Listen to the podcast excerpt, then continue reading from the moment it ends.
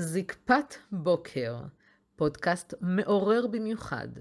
הקשר בין התת-מודע לתפקוד המיני, בהגשת שלומית וולפין, מומחית לאבחון וטיפול בחסמים הפוגעים בתפקוד המיני. תוכן עשיר, מוגש ברגישות ואלגנטיות, לצד פתיחות והרבה אהבה והכלה. בפינת השאלות הנפוצות אני מעלה את השאלה, האם הפעם הראשונה שמקיימים יחסי מין היא מדהימה או שיש תקלות, ואיך זה קשור לבעיות בתפקוד המיני.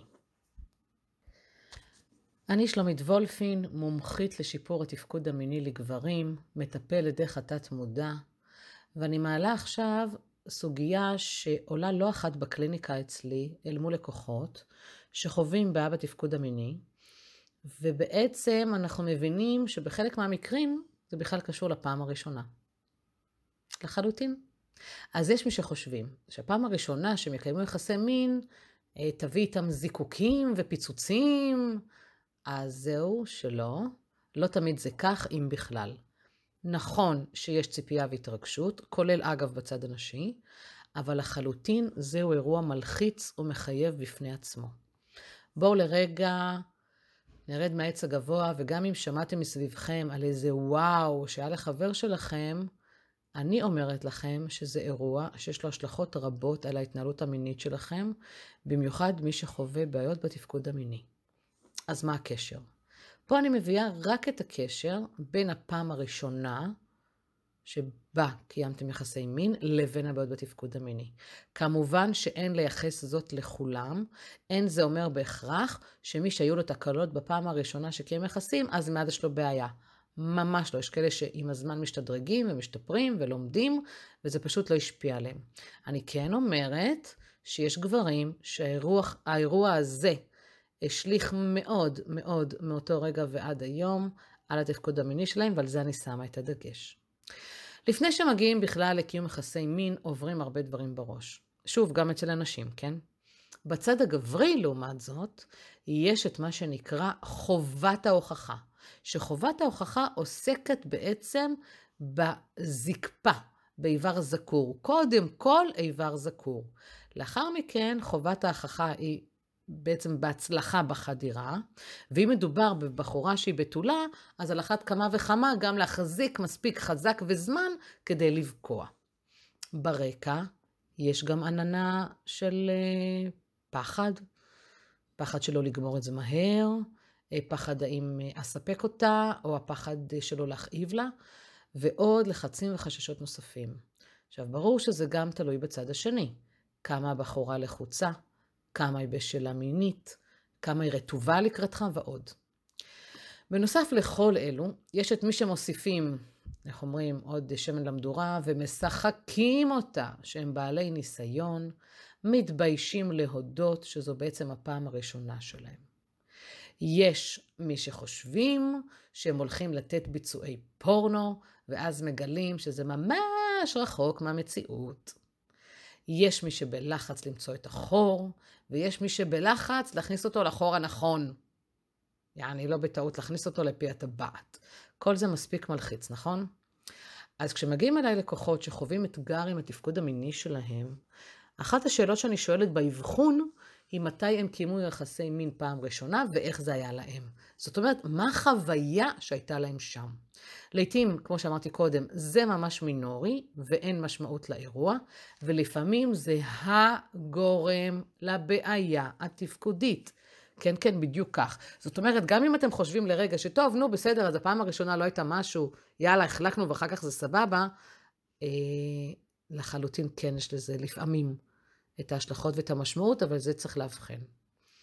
אז יש מי שכלל לא נתנו את דעתם על כך, שבאמת הפעם הראשונה שלהם תהיה כה קריטית בשלב ההתפתחות המינית, ואני רוצה לתת לכם דוגמאות על מנת ככה יותר אה, שתבינו על מה אני מדברת. כמובן, אלו שתי דוגמאות מיני רבות, בואו נתחיל באחת. בחור בן 17, שהוא וחבריו שכרו לפי שעה את כישוריה של מעניקת שירותי מין. הם ביחד מספר בחורים, בחלקם בתולים. הם עומדים אחד אחרי שני בתור כדי לחדור אליה. ברקע יש צחוקים, הערות, דחיפות. הערות בחלקן גם קשורות לגודל האיבר. ברקע גם נשמעות תרועות שמחה על מי שעכשיו הוא כבר גבר ולא בתול. וברקע עוד רעשים, ממש רעשי רקע, הן ברמת הלחצת הזמן ואותה נותנת שירות, ואותו בחור, אשר זו פעם ראשונה שלו, ואין לו מושג בגרוש מה לעשות, מעבר ללחץ ולציפייה, הוא מובהל לחדר ומאלצים אותו לגמור מהר כדי שגם האחרים יוכלו להספיק. הוא אמור, הוא אמור עכשיו גם להעמיד אותו, גם להעביר את איבר מינו במהירות כדי שיוכל לבצע את מעשיו, גם אה, לשלוט ולכוון את עצמו ולחדור אליה, אה, ובעצם כל זה תחת אה, אותה אחת שנותנת שירות שמסתכלת עליו, לא תמיד בחמלה אה, ואהבה, או, או בכלל בסבלנות. וכל הדברים האלה יוצרים התניה להתרגשות שלו, ללחץ שלו ולמצב התפקודי שלו, כך שאם לא עמד לו, או הזדקר מאוחר יותר, או אם הוא גמר מהר, באותו רגע מלחיץ, באותה סיטואציה, זה יוצר התניה. ולכן, מבחינתו, זו הפעם הראשונה שהוא קיים יחסי מין.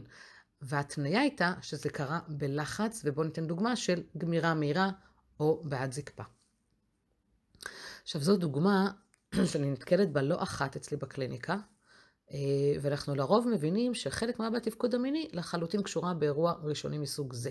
זאת אומרת, יש שם אנרגיה כלואה מהאירוע הזה שמשפיעה וזה לא רק כמה שנים בודדות אחורה, יש גם חבר'ה בני 60-70 שמגיעים אליי עם אירועים מסוג זה, שהשפיעו עליהם. אני אתן לכם דוגמה נוספת. אה, לגבי בחור אה, בן 16, שזו פעם ראשונה שלו, ובידיעה שהבחורה שהוא איתה כבר בשלה וקיימה יחסים בעבר. הוא, מהלחץ שהיא, תרג... שהיא לא תרגיש אה, אה, שהוא בתול, הוא לא רוצה שהיא תרגיש שהוא בתול, הוא שיקר לה, ואמר לה שהוא כבר היה עם כמה בנות לפניה. כשהם הגיעו למיטה, המצפון שלו חגג, ומה שקרה זה שהאיבר שלו לא הצליח להזדקר בהתחלה, ואחר כך, כשזה כבר כן קרה, אז הוא גמר מאוד מהר. אותו אירוע של פעם ראשונה נצרב אצלו בתת מודע, ומאז הוא גבר שסובל מרגשי נחיתות אל מול נשים עם ניסיון, וסובל משפיכה מהירה. רק ברגע שאנחנו עולים על זה, שזו בעצם הבעיה וכך היא נוצרה, אז ניתן לטפל בזה, לשחרר את כל האנרגיות הכלואות מהאירוע, ובכך לאפשר איזון והרמוניה שמובילים ליכולת לקיים יחסי מין בצורה בריאה.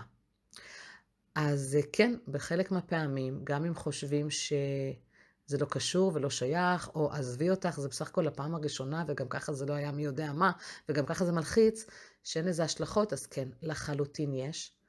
כמו שאמרתי, לא בכל המקרים זה קשור, אבל אם מאבחנים את זה, אז כשאנחנו מאזנים את המקום הזה ואת האירוע הזה, ומשחררים את האנרגיות ויוצרים הטמעה אה, למצב רצוי לשליטה בתפקוד המיני, אז לחלוטין מקבלים חיי מין בריאים יותר. מוגש לכם באהבה גדולה, שלומית וולפין.